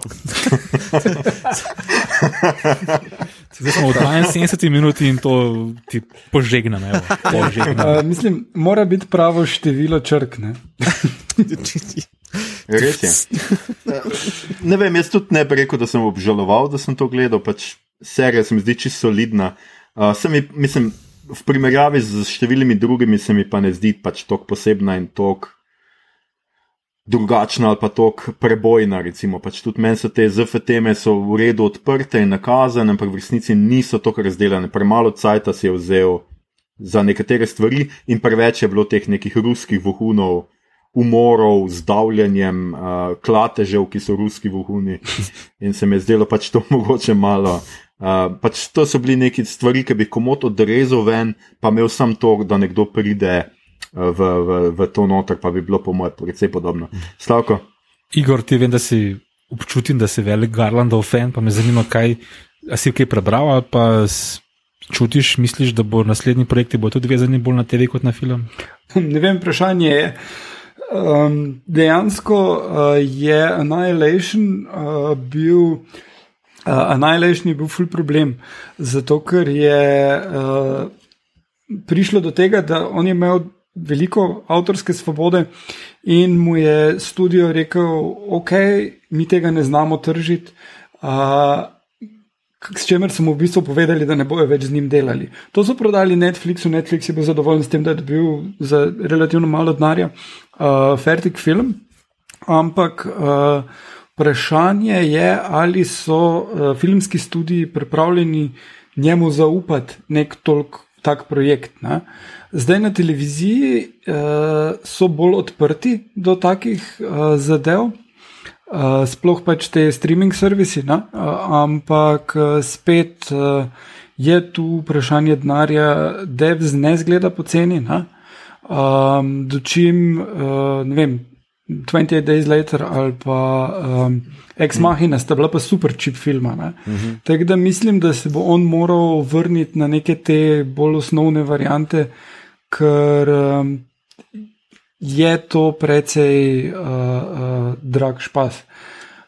Kljub temu, da navduši ljudi in po mojem tudi navduši dost uh, filmarjev, da se potrudijo kaj v skladu s temi vizijami narediti, pa jim da inspiracije.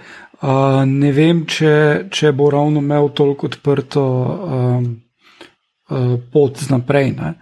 Uh, vsekakor bi pa prej rekel, da na televiziji kot na, um, na filmu. No. Uh -huh, uh -huh. Ja, stojim, mislim, Zanimivo, da. Ko mineš. Pardon.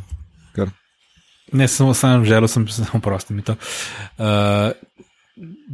da nima tako odprte poti. Ne? Ker če pa pogledamo po idejah, po vprašanjih, ki jih odpira, pa ki ga očitno zanimajo, pa po formatih, uh, me nekako spominja na Nolana. Ne? Ja, no, je, je njegov uh, pa sodobnik, uh, samo mislim, da sta čist druge lige, pa ne da sta si konkurenca, ampak čist drug način razmišljanja. Nolan je toliko za. Zaljubljen v te svoje like, pa kako se to obrača od teh plotlinov, um, pa komentar, ki se temu sledi, Garland je pa tukaj idea, men on začne z idejo in bo vse temu podredil. No, imamo jih malo drugače. Bi pa, po mojem, Garland full profitiral, če bo delo še naprej na televiziji, da si umisli brata, ki zna tudi dobro brat pa pisati.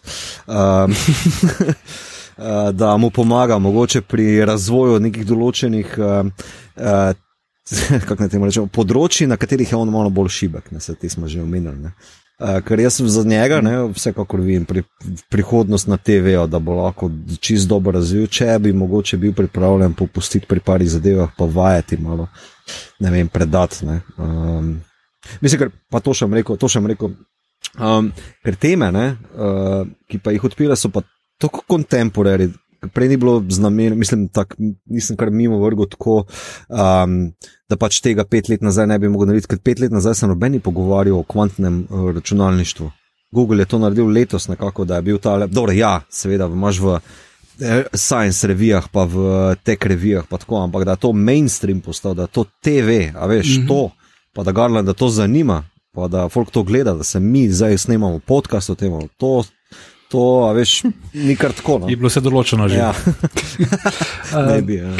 Uh, ne, se te contemporary ideje, on ima zelo dobro puls, uh, mislim, prst na pulzu časa, mm, guess, mm. uh, ker že pri obali je bilo to povsem. Mm -hmm. uh, obala je takrat, ko je vam prišla, so ljudje to delali in on je že izpostavil to kot problem, da to ljudje delajo. Mm, mm pogledaš, da je tik pred korono, je bilo to res problem. Mm. In to je 25 let uh, kasneje. Ne? Praktično. Ja. Uh, Mislim, meni, se ker... zdi, bo, pardon, meni se zdi samo, da pač uh, mogoče bi on res profitiral od tega, da ta radovednost, iskrena radovednost, ki jih ima do sodobnih tem, ki so zanimive, ki, uh -huh. uh, ki naprimer noben. Redko vidiš, da TV ali pa pop kultura osvetli uh, uh, Eh, tehnološka podjetja, pa kaj delajo z našimi podatki, pa kaj delajo s temi računalniki, ker so tako zakomplicirane teme. Ampak mogoče bi lahko tukaj pač za on pač profitiral z nekimi temi človeškimi elementi iz klasičnega sci-fija, ki eh, upele noter neke like, ki bi lahko bili boljši avatari za obče gledalstvo. No? Um, mm. Eh, zanimivo, ker si prej omenil brata, ne? pa v kontekstu še Nolana, mm. ker Kristofer Nolan tudi ima brata. Ja, se to Jonathana, ki, Westworld, saj, ki v Westworldu prav te iste teme uh, obdeluje kot uh, Deus, ne? kar mi je bilo zelo zanimivo, da hkrati sta bile dve seriji, ki sta o istih temah, o determinizmu, o tem, ali lahko računalnik nam določi prihodnost, in hkrati sta bile dve seriji z Alison Pill, ki. Uh, mislim, ta svet je postal kar confusing za nekoga, ki gleda preveč TV. ja, če je kakšen zdaj, sem videl en full dobro mem, ki zapaše na tale izjava, ko ata na mamo. I wish I'd had your problems, man.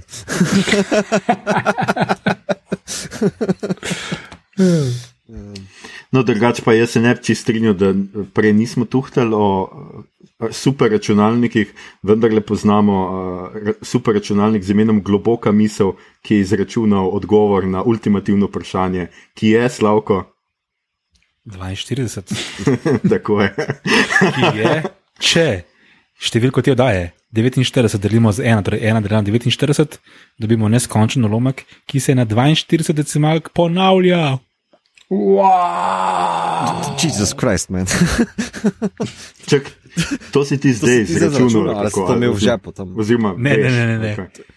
Pogledal sem prej, zanimivo si je številko 49. Oh, fuck. ej. Viš, take goste večkrat nucamo, ki mind blowajo. Slavko, moraš še priti, ne moraš še kdaj priti. Ja, ja.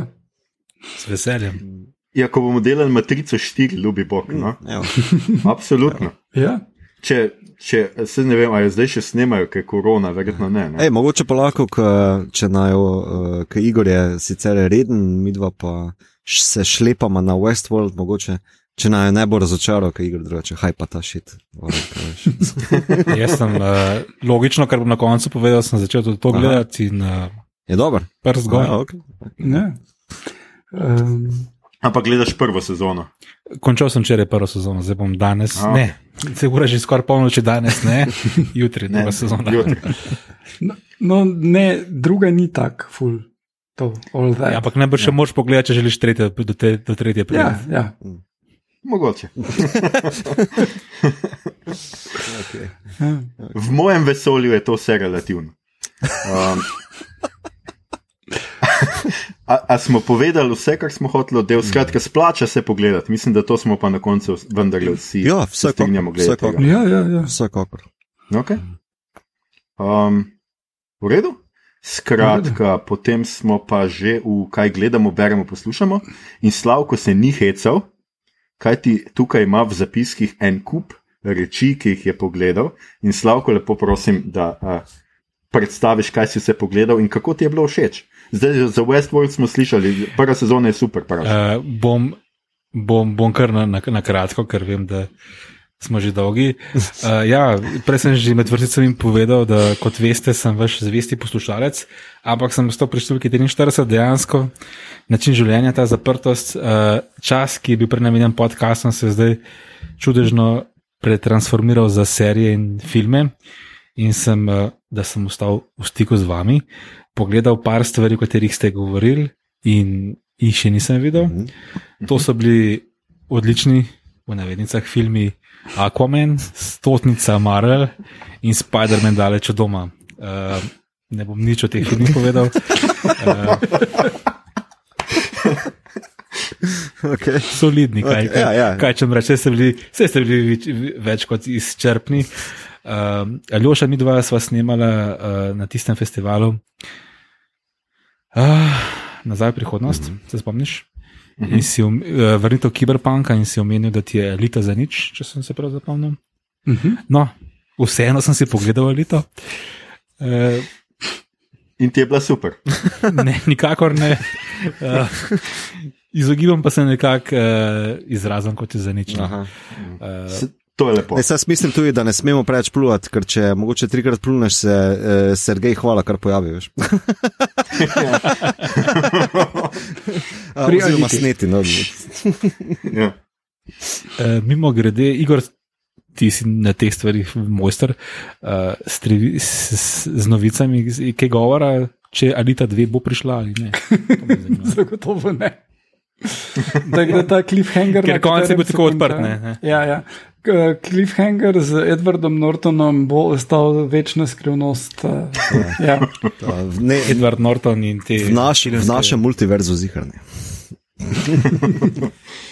Skratka, potem uh, vaše TV pri- priporočilo Varuhi, spet ne bom nič, nič dodal, izjemna serija. Uh -huh. uh, nekako že potem sem samo v mitov rajon, flashback, uh, vizualije, premišljal že poster, ne, uh, poster serije. Junakinja, ki sem zdaj pozabil, ime, že taka ura. Skratka, z modrim ozadjem, nekako že kar uh, flash forward uh, in odprta vrata za, za drugo sezono. Ki je tudi ne In bo. Seveda, ki- ki bo ne bo. No. Uh, ja, uh, avtor Damon Lindlof, ki je prvo serijo naredil, je rekel, da ne ima ideje, kako bi to dalje peljal v štorijo, uh, ampak da pušča odprto, če bi se HBO odločil, da to naredi kot antologijo, pa nekdo drug prevzame z neko čisto dobro idejo, bi to njemu lahko bilo ok, mm, mm. ampak on pa ne bo delal dalje. Zdaj pa vprašanje, če lahko kdo drug naredi kaj tako kul, cool, kot je on naredil. Ne? Ne, to je zakon, takih več nucamo, veš. Da mm. naredi nekaj reče, to je to, to je dobro. Če ima kdo boljši idejo od mene, take it over, ampak jaz se to, po to podpišem, čau, veš. Ne rabiš, mm. ano, best. Ja, ja. No, pa sam še mogel biti tak. Pa sam želel sem dodati, kar smo že rekli, Westworld, uh -huh. prva sezona končana. Uh, ta vprašanja uh, Androidov, uh -huh. ne, mi je vedno ljuba in samo zavedanje in igrice uh, Anthony Hopkinsa so neverjetne. Uh, užival sem, dobesedno sem užival in tudi konec prve sezone je tako narejen, da pač in eh, ti dopušča možnost uh, vseh živih interpretacij, in druga sezona bi šla lahko marsikam, in me res zanima, kam bo šla. Uh mhm. -huh. Igor, Igor je v pogled, žal ne obeta veliko. Ne, ne, je, vse, vse dobro, vse dobro. Um... Aha, mi to ti si pogledal, to drugo sezono. Ja, ja, ja. Jaz sem zdaj na tretji sezoni, drugi del, jaz moram nadoknaditi zdaj do šestega, ki je, mislim, za enkrat danes, jutri predvajan.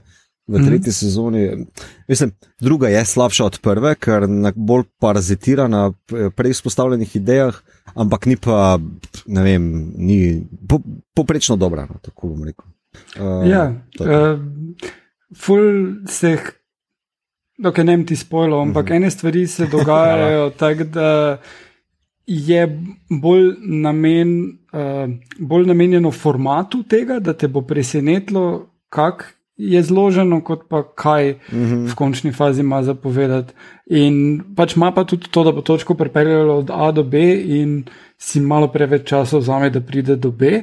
Do čem pa tretja sezona imaš pa idejo, da bo peljalo od A do B, pa si takoj na B in si že, aha, da bo C, D in, in full shopa naprej, prav fenomenalno. Mm. Ali um, še ti si gledal? Drugo, ja, tretje še ne. Prvo, aha, pa lahko se vprašam, se bom tako prenehal, samo še to vprašanje. Na kateri točki ste gotovili, da ostareli jezdec, da je William in da v bistvu gledamo dve zgodbi na 30 letih razvlečene? Oh, jaz, jaz ne vem. Jaz se ne spomnim več kdaj, ampak ne to hitro, no? mm -hmm. ne to hitro. Nekje, ne vem, ne spomnim se točno. Uh, jaz mislim, da dosta hitro ugotovim, ampak sem ful kar obsesivno takrat. Uh, ne samo gledal serijo, še fulbral o tem, analize in ugibanja, in bile so tudi bolj insane teorije, ampak uh, mi je pa to dosti hitro kliknilo, da so te ene stvari povezane um, na tak način. Uh mhm. -huh.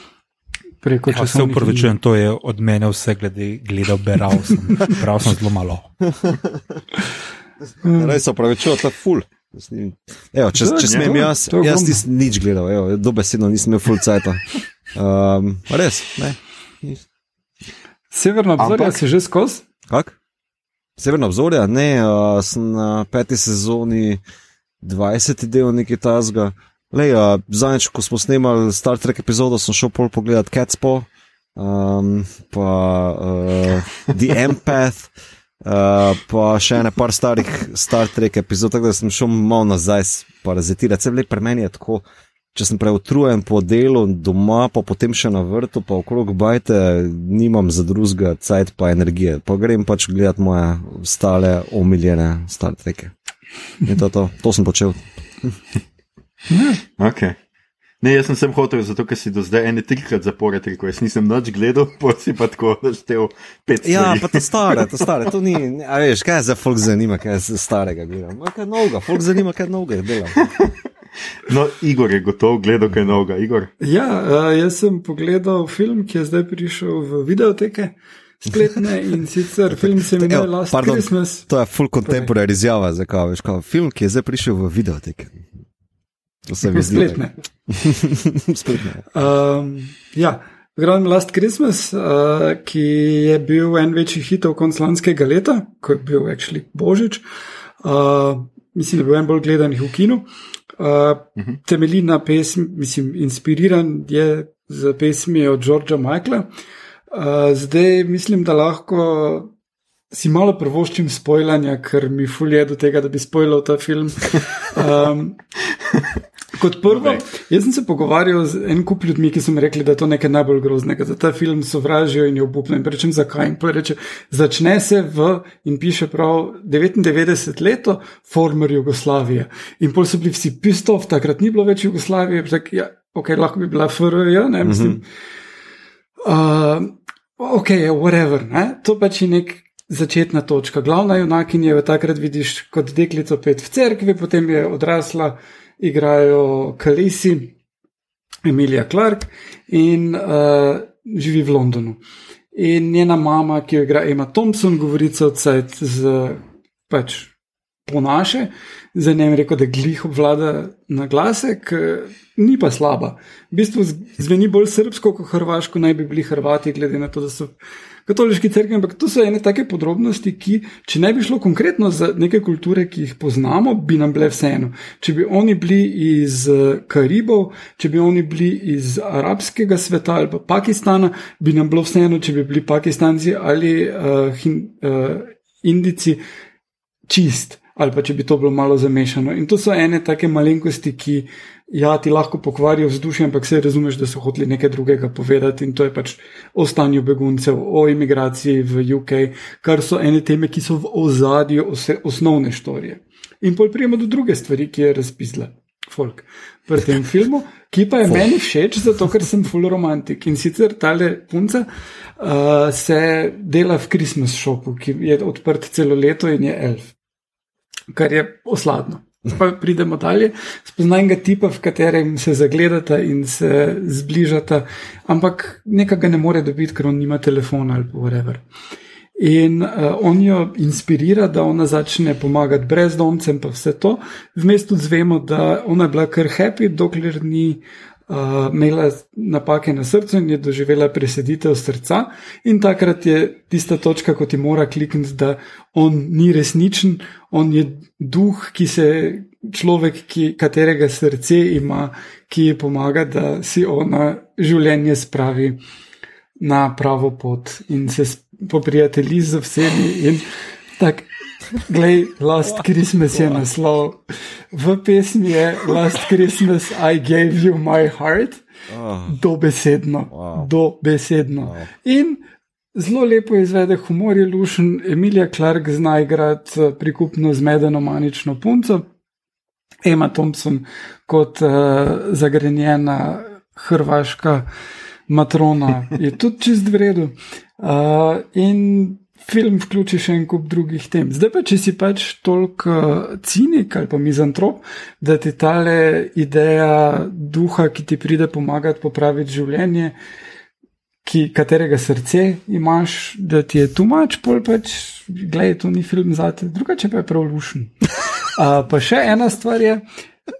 In sicer to, jaz sem full hitro skapiral, da je nekaj z tem likom, ki ga igra Henry Golding in sicer človek ima oblečen plašč, pa hudi, kar uh, v vsaki sceni, ker pač je vedno isto oblečen. Uh, je v filmu Dogma sta Affleck in uh, Damon Angela, ki so jim vzeli krila in imata dejansko plašč, pa hudi. In to se mi zdi uh, od tega filma dalje, da je pač uniforma za angele na tem svetu.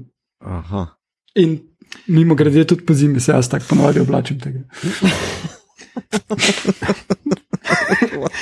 jaz, vam sem, jaz, vam, jaz vam sem to rekel, ubogi George Michael. No, to je pa res. um, jaz sem pa rekel, da sem vesel, da gostujemo v epizodi, ki bo daljša od poprečnega časa vašega podcasta. Ja. no, jaz uh, nisem več tako posebej gledal, sem uh, Man of Steel. Supermana. Oh, in? Yeah. Ja. in? Kaj se ti je, dev zdelo, ni dovolj ti krščanske religiozne simbolike, rabim nekaj, kar je malo bolj in your face. Ni čudno, da tako nataknem pol na to, veš, če meni v stil da vse. Ne, ho, hotel sem, hotel sem sam um, začeti pač DCU gledati, ker ga nisem pogledal, mislim, ja, DC Extended Universe in da se bom tega zdaj lotil pač. Uh, Uh, tako da sem pogledal tega, ni mi bil tako slab, v resnici, akcija je čisto ok. Uh, je pa pač ta um, skakanje med flashback in tako. Uh -huh. Jaz ne vem, zakaj ni malo bolj linearno, pa ne vem, zakaj mora biti že v prvem delu vse razkrito njem, ampak uh, kriptonu. Tako. To mi je bilo malo, uh, tako malo sem pogrešal lek uh, Lutorja ali pa neko drugo štorijo v resnici za otvoritev Supermana. Ker ga v resnici nikoli ne vidimo kot neki blazno super, razen da pač ene par stvari naredi. No, tako. Ne vem. Ampak uh, ni, ni pa mi bil tako slab. Tako da se veselim Superman vs. Batman. Oh, oh. Uh, ja, glede tega filma obstaja director's cut, tisto, kar pogledaj. Malo daljši je, uh, ampak en kup stvari, ki so ti tako, what the fuck je ta scena, ne? ker pač so nekaj stvari odrezali, ki so dost pomembne mm, za štorijo. Mm. Ja, mislim, da uh, no, direktor okay. Scott je vsaj prebavljiv. No, uh, on... Ja, še vedno pa ne odpravi glavnega problema, ki se mu reče Marta. Tak, da, ja. To je, joj, kjer fail, adijo. Skratka, um, se bolj te čaka, ljudne. Uh, še, še ena ja. stvar, ja. ne, tudi polk, ko boš pogledal Batman vs. Superman, bolj te čaka Suicide Squad, ki je ful slabši. Pa Justice League, ki je še slabši. Je Justice League, ki je še slabši. Vse, ja. vse, to, zdaj, vse to, kar zdaj govorite, me zelo, zelo pomirja in zelo srečuje. In se zelo veselim, da bom pogledal. Ne, če, že, jaz mislim, da moramo, tako kot je zadnjič Tomič rekel v Pekardu, um, ko boš to gledal, ne pošle SMS. Vse ti nam odgovorili, samo da vemo, da motor piše.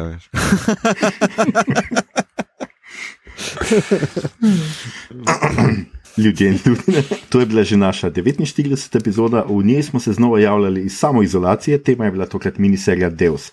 Uh, upamo, da smo vam o njej povedali vse, kar ste si in česar si niste želeli uh, izvedeti. Poslušali ste torej podcast, ki se oglaša na ime Obot, podcast za serije, filme in resnike vseh žanrov od F do Z, ki ga gosti mreža Apparatus. Z vami smo bili. Slavko, tudi jaz ne bom igral po tvojih pravilih. Je reč. Hvala, ne bom. Mito, jaz bi obe enačici podpisal. Gegič? Vsekakor, evo, podpišem. Igor, ta svet je postal kar confusing. In uh, uh, Slavko, uh, Slavko mi je napisal, da sem jaz Aljoša deset harlamov. Še enkrat se je pokazalo, da ne znam šteti. Uh, tole epizodo smo posneli od doma, ampak prek ene občinske meje. Uh, ujemite nas, če nas morete. Uh, v tokratni rubriki izbiro zima vprašanje. Uh -huh. Uh, pa, uh, uh, ker bi je mito unega ukradel, če sem ga v mailu prosil, da tega ne naredi. Uh, kaj bi vi delali v drugem vesolju, skratka, služba oziroma poklic, ki bi ga imeli, če bi obstajal multivers. Oziroma, vemo, da obstaja, ampak rečemo idealno drugo službo, recimo. Slavko. Jaz sem bil knjižni urednik. ok, ok. Mm, lepo. Ne, ampak. Mito. Uh, jaz bi vodil novinarsko ekipo Tarče.